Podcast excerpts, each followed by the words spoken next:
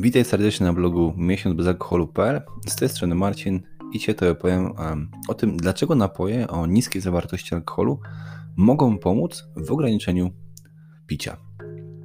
Jeśli szukasz sposobu na, na ograniczenie spożywania alkoholu bez, cał, bez całkowitego wyeliminowania go, napoje o obniżonej lub niższej zawartości alkoholu mogą być dla Ciebie idealnym rozwiązaniem. Dlaczego warto wybrać napoje o niższej zawartości alkoholu lub napoje bezalkoholowe? Wytyczne radzą, aby ograniczyć ryzyko zdrowotne związane z alkoholem, najbezpieczniej jest nie pić regularnie więcej niż 14 jednostek tygodniowo. Jeśli regularnie pijesz aż 14 jednostek tygodniowo, najlepiej rozłożyć to picie równomiernie na 2 lub e, na 3 lub e, więcej dni.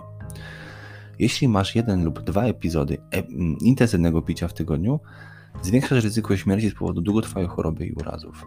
Ryzyko wystąpienia szeregu problemów zdrowotnych, takich jak rak jamy ustnej, gardła i piersi, zwiększa się im więcej regularnie pijesz.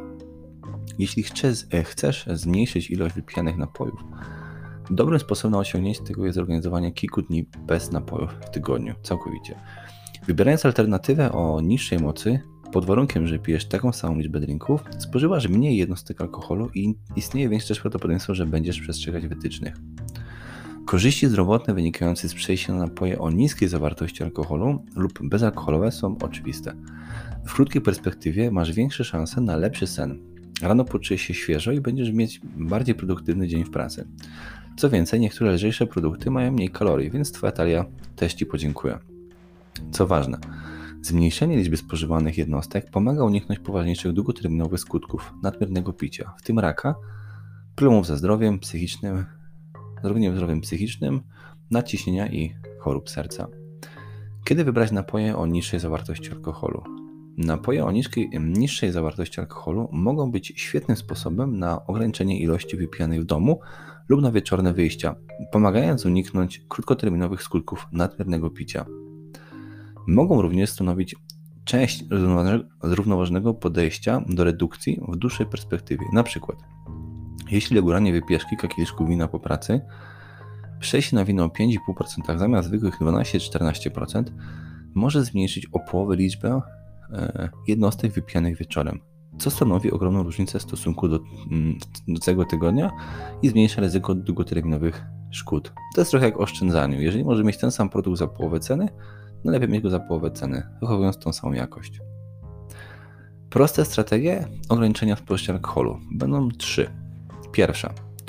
Niższa zawartość alkoholu, zachowując właśnie wysoki jakość, wysoką jakość smaku.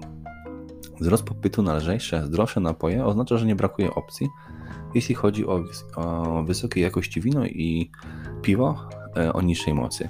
Wina lekkie, zwłaszcza białe, różowe i musujące, można znaleźć we wszystkich większych supermarketach, a także w wielu pubach i barach. W ofercie jest również coraz większa liczba piw o niższej zawartości alkoholu, z kilkoma opcjami o smaku cytrusowym, między innymi, ale jest wiele więcej. Drugą opcją są napoje bezalkoholowe. Jak sama nazwa wskazuje, napoje bezalkoholowe to te, które w ogóle nie zawierają alkoholu, natomiast również te, które zawierają alkohol, ale w ilości nie większej niż 0,5%. Coraz popularniejsze stają się wina i, wina, i wina i piwa bezbutelkowe, które można znaleźć na większości półkach sklepów. Trzecią strategią jest dokonywanie zmian w Twoim repertuarze, czyli wprowadzenie do codziennej rutyny napojów o niższej zawartości alkoholu lub napojów bezalkoholowych jest proste i nie oznacza, że musisz cały czas się ich trzymać. Jeśli zostajesz w domu, dlaczego nie spróbować przejść na alternatywę o niższej zawartości alkoholu? Jeśli z kolei jesteś poza domem, przyzwyczaj się do pytania obsługi baru, które napoje bezalkoholowe mają mniejszą moc. Z całą pewnością dostaniesz odpowiedź. Dopóki nie pijesz więcej drinków niż wcześniej, możesz być zaskoczony, jak łatwo jest zmniejszyć tu i ówdzie o kilka jednostek Twoje spożycie. Wtedy możesz zacząć czerpać korzyści z ograniczenia spożycia, takie jak lepszy sen lub obniżenie ciśnienia krwi. Dzięki wielkie za wysłuchanie i do usłyszenia w następnym odcinku. Cześć.